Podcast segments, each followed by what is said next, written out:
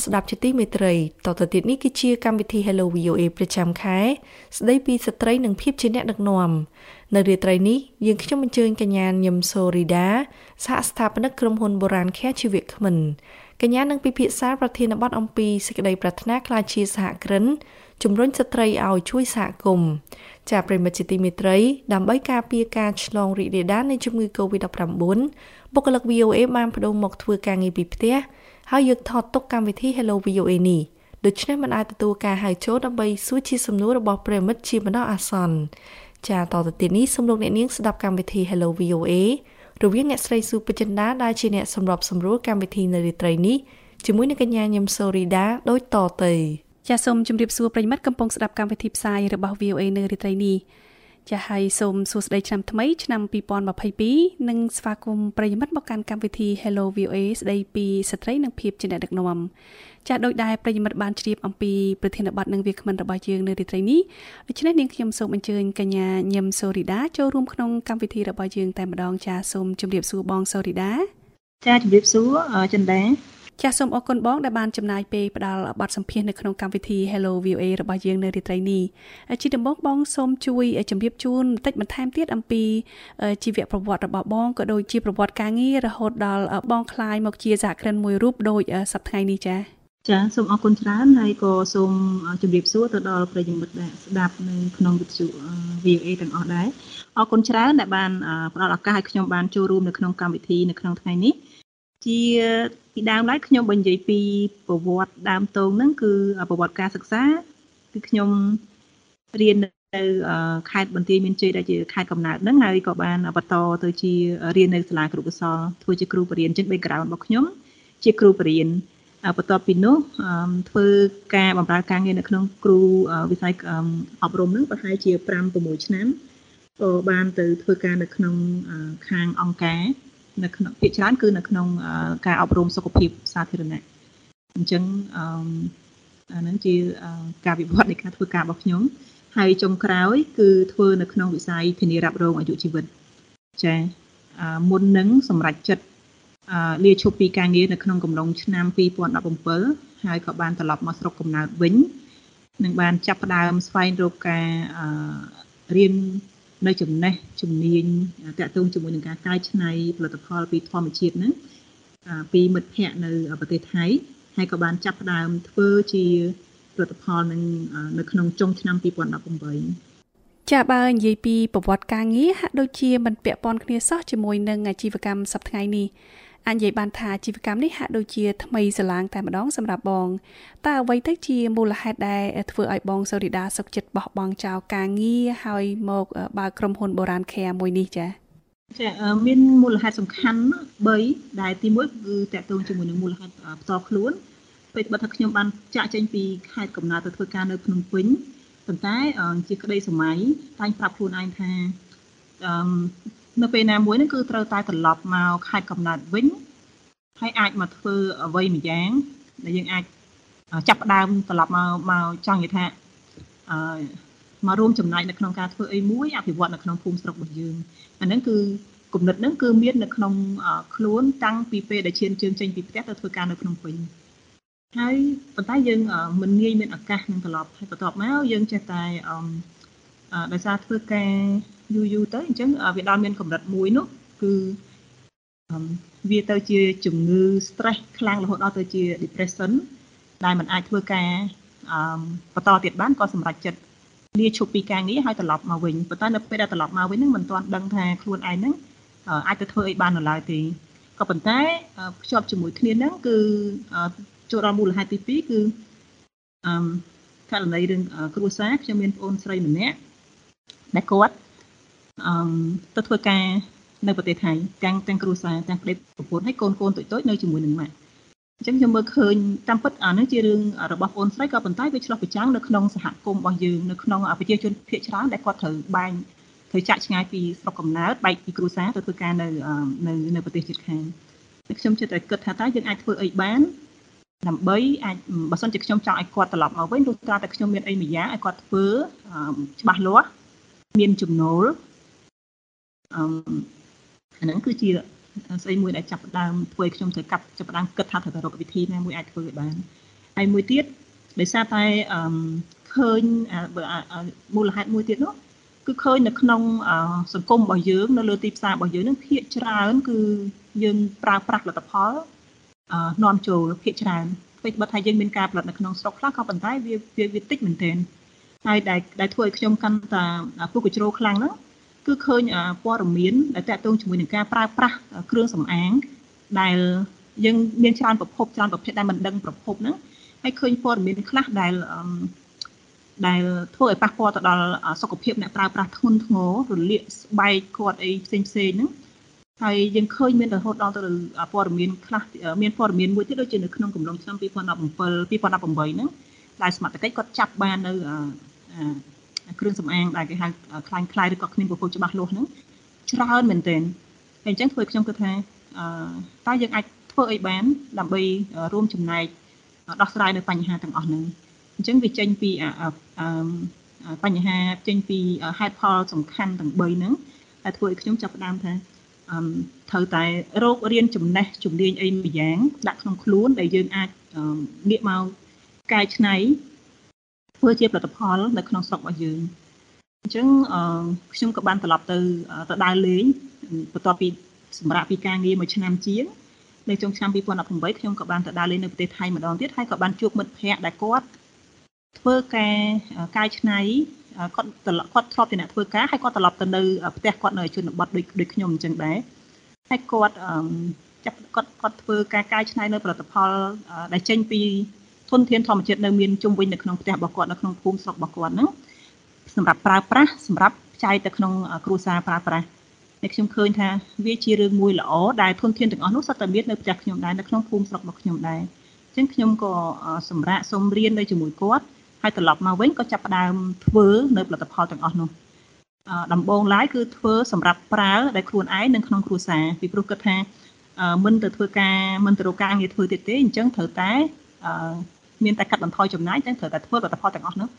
ប្រើប៉ុន្តែនៅពេលដែលធ្វើប្រើហើយចែកទៅមិត្តភ័ក្តិប្រើចែកទៅអីអញ្ចឹងគាត់ឃើញថាអូខេយើងធ្វើបានល្អអញ្ចឹងគួរតែព្យាយាមធ្វើវាអញ្ចឹងហើយណាមួយក៏វាត្រូវជាមួយនឹងគោលបំណងត្រូវជាមួយនឹងឃើញបញ្ហាដែលតាក់ទងជាមួយនឹងផលប៉ះពាល់នៃការប្រើប្រាស់គ្រឿងសម្អាងគីមីដែលធ្វើដែលឃើញក្នុងសារព័ត៌មានជារឿយៗហ្នឹង ខ្ញុំក៏ចាប់ផ្ដើមចាប់យកអានឹងជាចំណុចសំខាន់ហើយក៏ចាប់ផ្ដើមសិក្សារៀនសូត្របន្ថែមទៀតគឺខ្ញុំរៀនតាមអនឡាញផងខ្ញុំឡើងទៅរៀនផ្ទាល់បន្ថែមទៀតពីអ្នកជំនាញផ្សេងផ្សេងផងហើយក៏ចាប់យកអានឹងទៅជាអាជីពមួយពិតប្រាកដ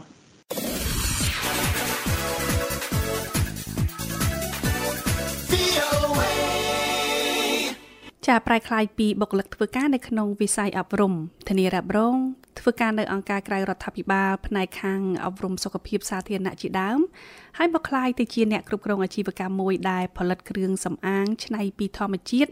ដាក់លក់ប្រកួតប្រជែងជាមួយនឹងផលិតផលនាំចូលពីបរទេសយ៉ាងច្រើនសន្ធឹកសន្ធាប់នៅលើទីផ្សារតើបងសូរីដាមានការតាំងចិត្តនិងការព្យាយាមជំនះឧបសគ្គបែបណាខ្លះទៅទម្រាំអាចធ្វើឲ្យគេស្គាល់ផលិតផលបុរាណខ្មែររបស់បងដោយសប្តាហ៍ថ្ងៃនេះចា៎ អឺតកតងជាមួយនឹងភាពជោគជ័យបាទសម្រាប់ខ្ញុំគឺការជំនះលើខ្លួនឯងគឺមានន័យថាខ្ញុំបានទម្លុះនៅភាពភ័យខ្លាចហើយចាប់ផ្ដើមហ៊ានធ្វើនៅអ្វីដែលយើងគិតថាវាជារឿងត្រឹមត្រូវហើយគួរធ្វើហើយជារឿងដែលយើងស្រឡាញ់ជាក្តីសម័យរបស់យើងពីព្រោះខ្ញុំតែងមានក្តីសម័យហ្នឹងតាំងពីខ្ញុំជម្រាបចឹងតាំងពីពេលដែលខ្ញុំចាក់ចេញពីស្រុកកំណើតទៅធ្វើការនៅភ្នំពេញគឺខ្ញុំប្រាប់ខ្លួនឯងថាខ្ញុំចេញឲ្យឆ្ងាយពីផ្ទះដើម្បីខ្ញុំអាចត្រឡប់មកផ្ទះវិញបាន អញ្ចឹងអាហ្នឹងនៅពេលដែលនៅពេលដែលដល់ស្ថានភាពមួយដែលខ្ញុំមិនអាចបខំខ្លួនឯងនៅធ្វើការទៀតខ្ញុំយកជំនះលើខ្លួនឯងបានគឺខ្ញុំចាក់ចេញព្យាយាមស្វែងរកនៅអ្វីដែលខ្លួនឯងយល់ថាមិនទាន់បានជួបមិនទាន់បានធ្វើនៅក្នុងជីវិតនៅក្នុងក្តីសម័យរបស់ខ្លួនហើយបន្ទាប់មកខ្ញុំត្រឡប់មកផ្ទះវិញគឺខ្ញុំនៅពេលដែលខ្ញុំចាប់ផ្ដើមតាំងធ្វើផលិតផលនេះគឺខ្ញុំតាំងចិត្តថាខ្ញុំនឹងចំណាយពេលពេញ100%ទៅលើកិច្ចការនេះបើ ទោះបីជាវាជារឿងតូចតាចក៏ដោយកពិចកពុកក៏ដោយពីព្រោះជាបញ្ហាចម្បងហ្នឹងគឺនៅពេលដែលយើងចាប់ផ្ដើមភ្លាមអ្នកជំនាញខ្លួនគឺគាត់មើលមកដូចជាយើងរៀនមនុស្សចម្លែកមនុស្សសរសៃប្រសាទដែលរៀនសូត្របានខ្ពង់ខ្ពស់ប៉ុណ្ណឹងមានការងារធ្វើទូនាទីល្អប្រាក់ខែល្អសមរម្យហើយស្រាប់តែចុងក្រោយចេញពីកន្លែងការងារដែលល្អហើយត្រឡប់មកធ្វើកិច្ចការដូចជាបៃលុកបៃឡមកបេះស្លឹកឈើ ផ្លែឈើយកមកស្ងោរចម្រាញ់ធ្វើជាផលិតផលហើយតម្រាំតាបានដល់ពេលចាប់ផ្ដើមដំបូងគឺយើងចំណាយពេលច្រើនមែនទែនធ្វើខុសធ្វើត្រូវហើយអញ្ចឹងវាជារឿងមួយដែលត្រូវជំនះចិត្តខ្លួនឯងហើយមិនមែនគ្រាន់តែដើម្បីចង់បង្ហាញអ្នកដទៃថាខ្ញុំអាចធ្វើរឿងនឹងបានទេក៏ប៉ុន្តែគឺយល់ថាអ្វីដែលកំពុងធ្វើវាជារឿងសំខាន់ជារឿងមានប្រយោជន៍ហើយមិនមែនមានប្រយោជន៍សម្រាប់តែខ្លួនខ្ញុំទេ វាអាចទៅសម្រាប់គ្រួសារសម្រាប់សហគមន៍ហើយក៏ជាចំណែកមួយ នៅក្នុងការចូលរួមលើកម្ពស់សេដ្ឋកិច្ចជាតិដែរបើសិនជាខ្ញុំអាចធ្វើវាឲ្យបានល្អជាងនឹងឲ្យបានប្រកបវិជ្ជាហើយអឺឲ្យវាខ្លាយទៅជាក្រុមហ៊ុនមួយធំអញ្ចឹងនៅពេលនេះគឺខ្ញុំចាប់ផ្ដើមដាក់សំណួរខ្លួនឯងតើខ្ញុំគួរតើស្អីជាគោលដៅពិតប្រាកដរបស់ខ្ញុំពីព្រោះបើសិនជាខ្ញុំគ្រាន់តែធ្វើវាដើម្បីគ្រាន់តែ មក survive មកអាចរស់វាងាយស្រួលខ្ញុំធ្វើត្រឹមតែម្នាក់ឯងបានអឺហើយខ្ញុំចង់សម្រាប់នៅពេលណាក៏បានក៏ប៉ុន្តែបើយល់ថាវាជាកិច្ចការមួយដែលអាចជួយរួមចំណែកនៅក្នុងការផ្ដល់ការងារទៅឲ្យអ្នកដទៃនៅពេលខាងមុខឬក៏បង្កើនចំណូលនៅក្នុងសហគមន៍តាមរយៈការចាប់ជាដៃគូគ្នាក្នុងការផ្គត់ផ្គង់វត្ថុធាតុដើមជាដើមបើធ្វើត្បិតថា នៅក្នុងឥឡូវហ្នឹងពីពីចាប់ដើមធ្វើរហូតដល់ពេលនេះយើងមើលមិនទាន់ឃើញជាលទ្ធផលដុំកំភួនអឺមិនទាន់ឃើញមានអ្វីដែលយើងផ្ដល់ឲ្យដូចដូចដែលយើងតែងតែនិយាយប្រាប់គេដដែលដដែលក៏ប៉ុន្តែខ្ញុំដឹងថាទៅថ្ងៃខាងមុខយើងអាចធ្វើរឿងហ្នឹងឲ្យវារឿងធំបានអញ្ចឹងគឺខ្ញុំអត់បានបោះបង់ទេខ្ញុំបានធ្វើបន្តតែខ្ញុំរៀនសូត្រជាប់ចំណិចនៅក្នុងកិច្ចការដែលខ្ញុំធ្វើហ្នឹង ចាស់បាននិយាយអំពីផលិតផលគ្រឿងសម្អាង ដែលមានលក់នៅលើទីផ្សារក្នុងប្រទេសកម្ពុជាយើងឃើញថាមានច្រើនសង្ឃឹតសង្ធាប់ណាស់ហើយក្នុងនោះក៏រួមមានម៉ាកល្បីល្បីជាច្រើនផងដែរហើយដោយសារតែផលិតផលរបស់បងជាម៉ាកថ្មីអញ្ចឹងតើបងមានបញ្ហាប្រឈមអ្វីខ្លះទៅដើម្បីអាចដាក់លក់ផលិតផលហ្នឹងនៅក្នុងទីផ្សារបានហើយធ្វើឲ្យអតិថិជនជឿជាក់មកលើផលិតផលរបស់បងបាននោះចា៎ ការប្រឈមនៅក្នុងការចូលទៅក្នុងទីផ្សារគឺយើងមានការប្រកួតប្រជែងខ្លាំងហើយយើងពិបាកដោយសារតែភាគច្រើនគឺជាផលិតផលនាំចូលហើយមែនទែនគឺជាផលិតផលដែលគេបើនិយាយពីគេហៅថាមាន brand ដែលគេស្គាល់ហើយណាអាហ្នឹងយើងមិននិយាយពីនេះទេប៉ុន្តែគឺគឺមានថាគេស្គាល់ហើយនៅលើទីផ្សារអ្វីត្បិតថាបុរាណខែចាប់ផ្ដើមហើយយើងមានអតិថិជនដែលគាត់យើងជា target របស់យើងដែលគាត់គ្រប់គ្រងក៏ប៉ុន្តែគឺនៅក្នុងកម្រិតមួយនៅមានកម្រិត ហើយដែលការប្រកួតប្រជែងរបស់យើងគឺមានកម្រិតខ្ពស់ទី1លើតម្លៃដោយសារតែយើងធ្វើខ្នាតតូចហើយវត្ថុធាតុដើមយើងប្រើប្រាស់នៅធនធានធម្មជាតិក្នុងស្រុកក៏ប៉ុន្តែមួយចំណែកដែលយើងត្រូវទិញពីខាងក្រៅជាពិសេសគឺសម្បកវេចខ្ចប់ដែលថ្លៃហើយជាពិសេសនៅក្នុងកំឡុងពេលដែលមានបញ្ហារឿងបិទព្រំដែនអីទៀតណាហ្នឹងគឺយើងត្រូវប្រឈមថ្លៃអញ្ចឹងគឺតម្លៃផលិតផលរបស់យើងថ្លៃដើមគឺខ្ពស់ ពុតអាហ្នឹងរឿងយើងនិយាយនៅក្នុងថ្លៃដើមទី2គឺភាពជឿជាក់ទោះបីជាមានការគ្រប់គ្រងក៏ប៉ុន្តែក៏នៅតែមានការដែលលឺនៅពីអូផលិតផលខ្មែរអឺមីក្រូថាថាគាត់ប្រើទៅល្អគាត់ពេញចិត្តផលិតផលនេះល្អហើយគាត់ទៅធៀបជាមួយនឹងផលិតផលល្អដែលនាំចូលពីបរទេសដែលយីហៅថ្លៃក៏ប៉ុន្តែគាត់នៅតែនិយាយថាថ្ងៃអីបានជាធ្វើនៅស្រុកខ្មែរសោះហើយបានទៅទៅថ្លៃស្ទើរតែប្រហែលនឹងគេ ទោះបីយើងនៅក្រោមគេក៏ដោយតម្លៃក្រោមគេក៏ដោយក៏នៅតែលើពាក្យនឹងថាហើយបានជានៅតែប្រហែលនឹងរបស់គេដែរដែលអត់គួរសោះនឹងក៏ជាបញ្ហាហើយក៏បញ្ហាមួយទៀតគឺតកតងជាមួយនឹងការរកធនធានមនុស្សពីព្រោះនៅពេលដែលខ្ញុំ start ចាប់ផ្ដើមគឺម្នាក់ឯងគឺជាមួយបងស្រីក៏ប៉ុន្តែពេលដែលយើងចាប់ផ្ដើមពង្រីកយើងត្រូវការមានមានធនធានមនុស្សមកចូលរួមជាក្រុមការងារដើម្បីអាចឲ្យទៅវារីកចម្រើនតែយើងក៏មានការប្រឈមដែរពីព្រោះវា limit ដោយសារតែយើងនៅខេត្តយើងនៅជនបទ អញ្ចឹងនៅពេលដែលយើងពិបាកនឹងរកបាននៅធនធានដែលមានសមត្ថភាពឬក៏ជំនាញហើយដែលអាចមករួមជាមួយយើងព្រោះនៅពេលដែលគេមកឃើញវាដូចជារឿងចាប់ផ្ដើមមួយដែលមើលមិនដឹងថាតើអនាគតនឹងទៅជាយ៉ាងម៉េចចឹងអត្រានេះខ្ញុំក៏យល់ដែរក្នុងនាមយើងធ្លាប់ទៅជាអ្នកធ្វើការក៏ប៉ុន្តែវាជាបញ្ហាសម្រាប់ในការ start up របស់យើងដែរហើយមួយទៀតដែលសំខាន់បំផុតនោះគឺរឿងទុន មានន័យថានៅពេលដែលយើងចាប់ផ្ដើមគឺយើងមិនមានទុនច្រើនទុនរបស់យើងគឺពវល់ទៅពវល់មកគឺយើង reinvest ចូលទៅរហូតហើយនៅក្នុងវិស័យផលិតកម្មនឹងទៀតគឺយើងត្រូវចំណាយច្រើនយើងត្រូវយើងត្រូវមានន័យថាត្រូវបញ្ចូលទៅរហូតធ្វើបានយើងត្រូវគិតទៅដល់រឿងការរៀបចំទីកន្លែងអញ្ចឹងគ្រាន់តែ set up ទីកន្លែងទៅគិតទៅដល់រឿងការបញ្ចូលរឿងឧបករណ៍ម៉ាស៊ីនអីផ្សេងផ្សេងនិយាយរួមគឺទុនហ្នឹងគឺគឺជាបញ្ហាសំខាន់ដែលកំពុងតែប្រឈម ចាចុះក្នុងនាមជាស្ត្រី បើយើងនិយាយពីថាភាពជាស្ត្រី ហើយយើងចាប់ផ្ដើម start up អាជីវកម្មមួយអញ្ចឹងតើមាន ផលវិបាកអ្វីខ្លះទៅចាផលវិបាកមកសម្រាប់ខ្ញុំសុំទោសផងពីព្រោះដោយសារខ្ញុំអត់ទៅបានបែងចែកថាខ្ញុំពិបាកដោយសារតែខ្ញុំជាស្ត្រីឬក៏អីទេពីព្រោះខ្ញុំគិតថានៅក្នុងការចាប់ផ្ដើម start up ប្រហែលជាយើងជួបពិបាកដូចគ្នាមិនថាស្ត្រីឬបុរស ហើយដោយសារតែខ្ញុំគឺនៅពេលដែលធ្វើកិច្ចការអីមួយហ្នឹងគឺខ្ញុំមិនសូវបានយកបញ្ហាភេទហ្នឹងមកជារបាំងពីព្រោះខ្ញុំខ្ញុំមានន័យថាខ្ញុំធ្វើនៅអ្វីដែលគួរធ្វើអ្វីដែលត្រូវធ្វើគឺខ្ញុំត្រូវធ្វើហើយឧទាហរណ៍ថាការធ្វើដំណើរក្នុងរយៈពេលចាប់ផ្ដើម3ឆ្នាំនៅក្នុងអាជីវកម្មនេះខ្ញុំអាចនិយាយថាសឹងថាខ្ញុំចំណាយពេលគេងនៅលើឡានក្រុងពេលយប់50%គេងនៅផ្ទះ50%ពីព្រោះខ្ញុំត្រូវធ្វើដំណើរចុះឡើង យើងធ្វើផលិតផលផងយើងត្រូវដើរទៅជួបគេជួបឯងចូលរៀនសូត្រចូលក្នុងសង្គមបណ្ដាញផ្សេងផ្សេងដើម្បីស្គាល់បង្កើនតំណែងរក្សានៅតំណែងចាស់ចាស់ដែលយើងមានបង្កើតតំណែងថ្មីថ្មីចូលរួមនៅក្នុងកម្មវិធីផ្សេងផ្សេងដូចជាពិព័រណ៍ដូចជាអីផ្សេងផ្សេងឬក៏សិក្ខាសាលាតាក់ទងជាមួយសហគ្រិនភាពអីជាដើមអញ្ចឹងទាំងអស់ហ្នឹងវាអាចរាប់ថាជាបញ្ហាប្រឈមមួយដែរបើមិនជាគិតទៅលើស្ត្រីក៏ប៉ុន្តែសម្រាប់ខ្ញុំ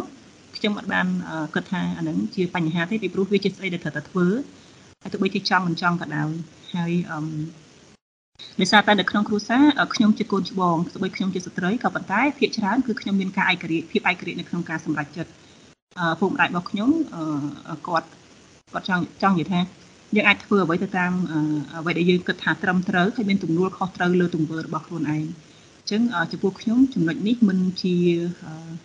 មិនជាបញ្ហាទេប៉ុន្តែអ្វីដែលខ្ញុំសម្រេចចិត្តធ្វើគឺខ្ញុំត្រូវទទួលខុសត្រូវព្រោះគាត់ពួកគាត់គឺមិនមានអ្វីដែលអាចមកជួយ support យើងមិនថាជាទុនឬក៏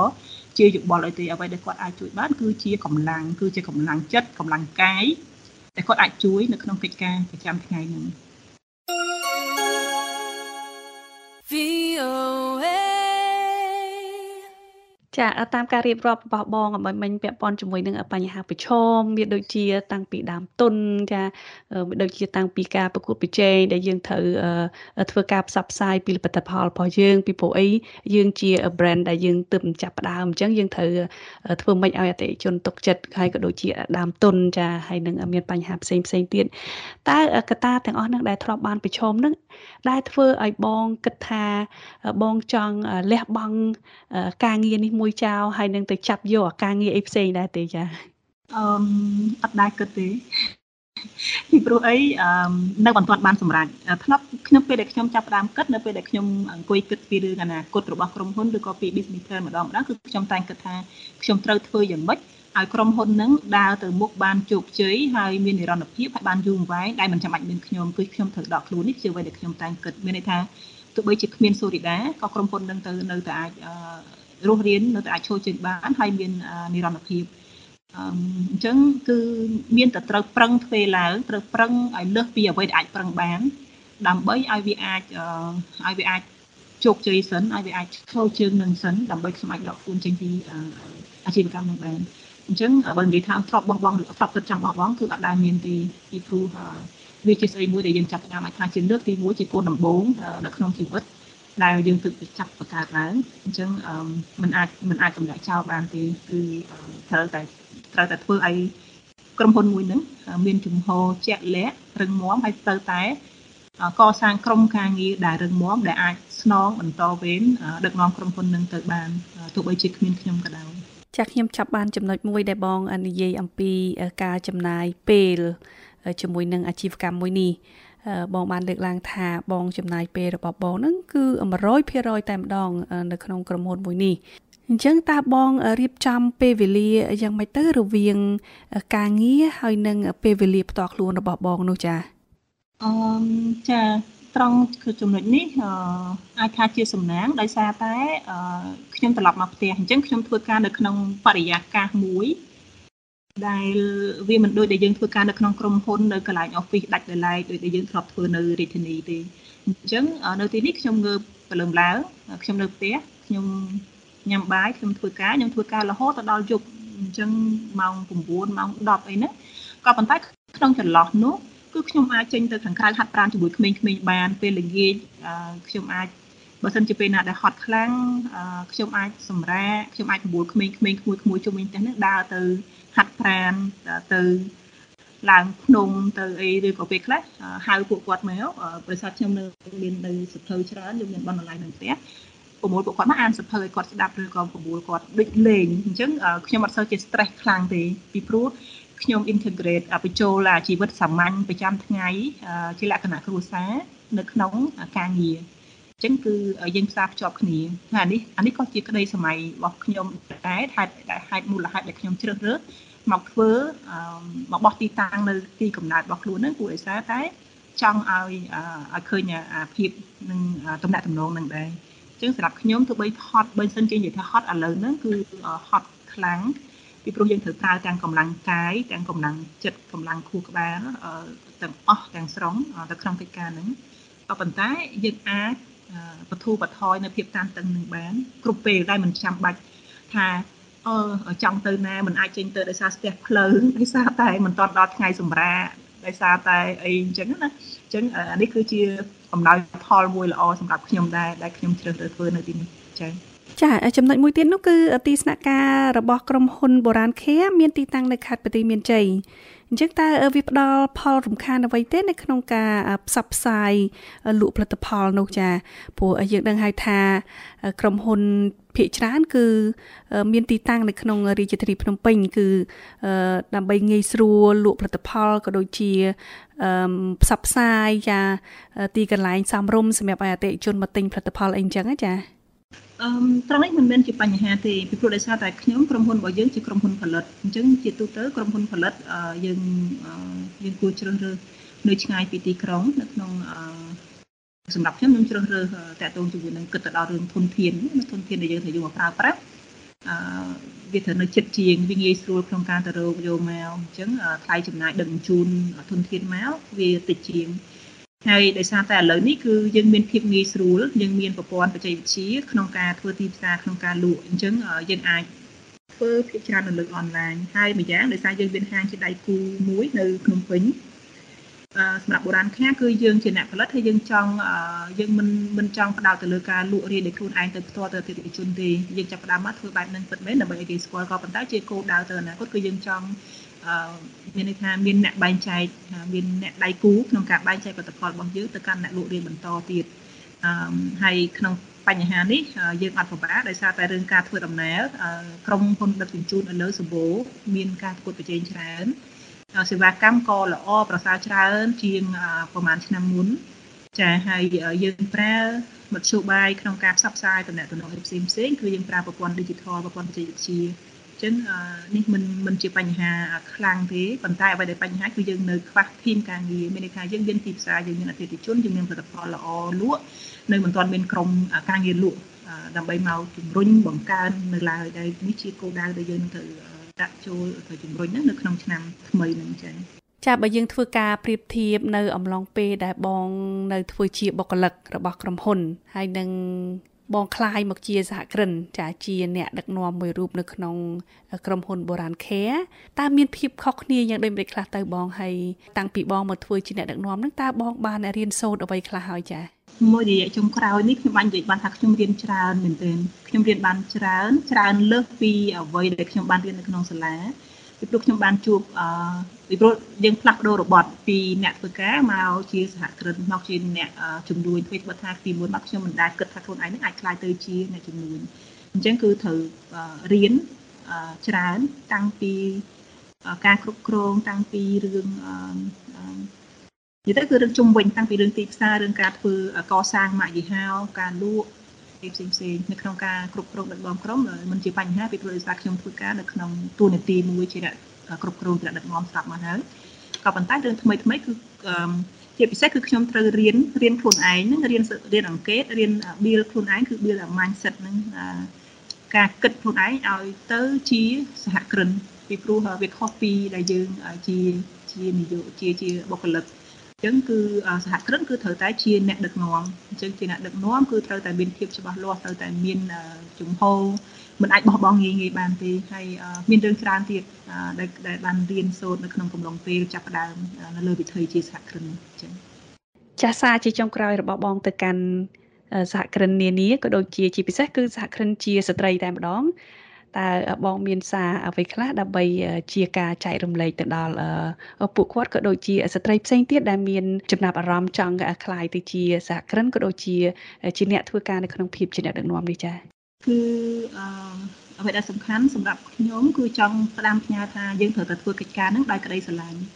បើទោះបីជាយើងចាប់ផ្ដើមអឺដោយពេលខ្លះយើងយើងត្រូវធ្វើការមិនជាជាសំណាងបើមិនជាយើងអាចធ្វើការដែលនៅកិច្ចការដែលយើងស្រឡាញ់ក៏ប៉ុន្តែបើទោះបីជាយើងរកមិនទាន់ឃើញរឿងដែលយើងស្រឡាញ់ជួនកាលយើងត្រូវរកមើលរឿងអីដែលត្រឹមត្រូវដែលវាជាតម្រូវការអាហ្នឹងបើសិនជានិយាយនៅក្នុងភាពជាសហគ្រិន ជួនកាលអារឿងដែលយើងឆ្លាញ់យើងមិនមែនជារឿងត្រឹមត្រូវទេប៉ុន្តែរឿងដែលត្រូវនោះតែវាត្រូវនៅក្នុង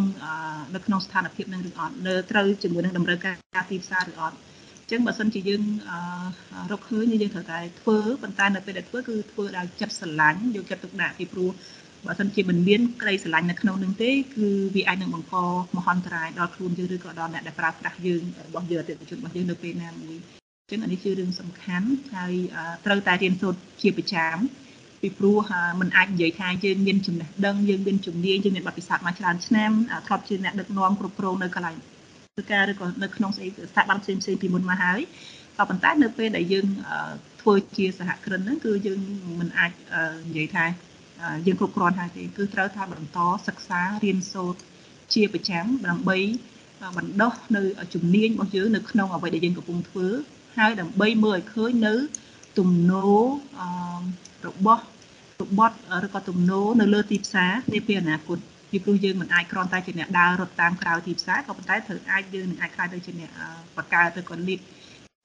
នៅតម្រូវការឬក៏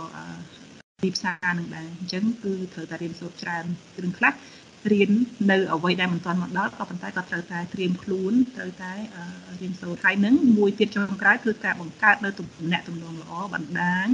ទំនាក់ទំនងជាមួយនឹងមនុស្សជុំវិញខ្លួនទាំងអ្នកដែលយើងស្គាល់ទាំងអ្នកដែលមិនទាន់ស្គាល់ឲ្យតែនៅក្នុងអ្វីដែលគិតថាអាចជាប្រយោជន៍អាចជាការបង្កើនសមត្ថភាពរបស់យើងនៅក្នុងវិស័យនឹងចា៎ចាសសូមអរគុណបងសូរីដាសហស្ថាបនិកក្រុមហ៊ុនបុរាណ Care ដែលបាន ចូលរួមចែករំលែកជាបទពិសោធន៍ក្នុងទូនាទីជាអ្នកដឹកនាំ នៅក្នុងកម្មវិធី Hello VOA ស្ដីពីស្ត្រី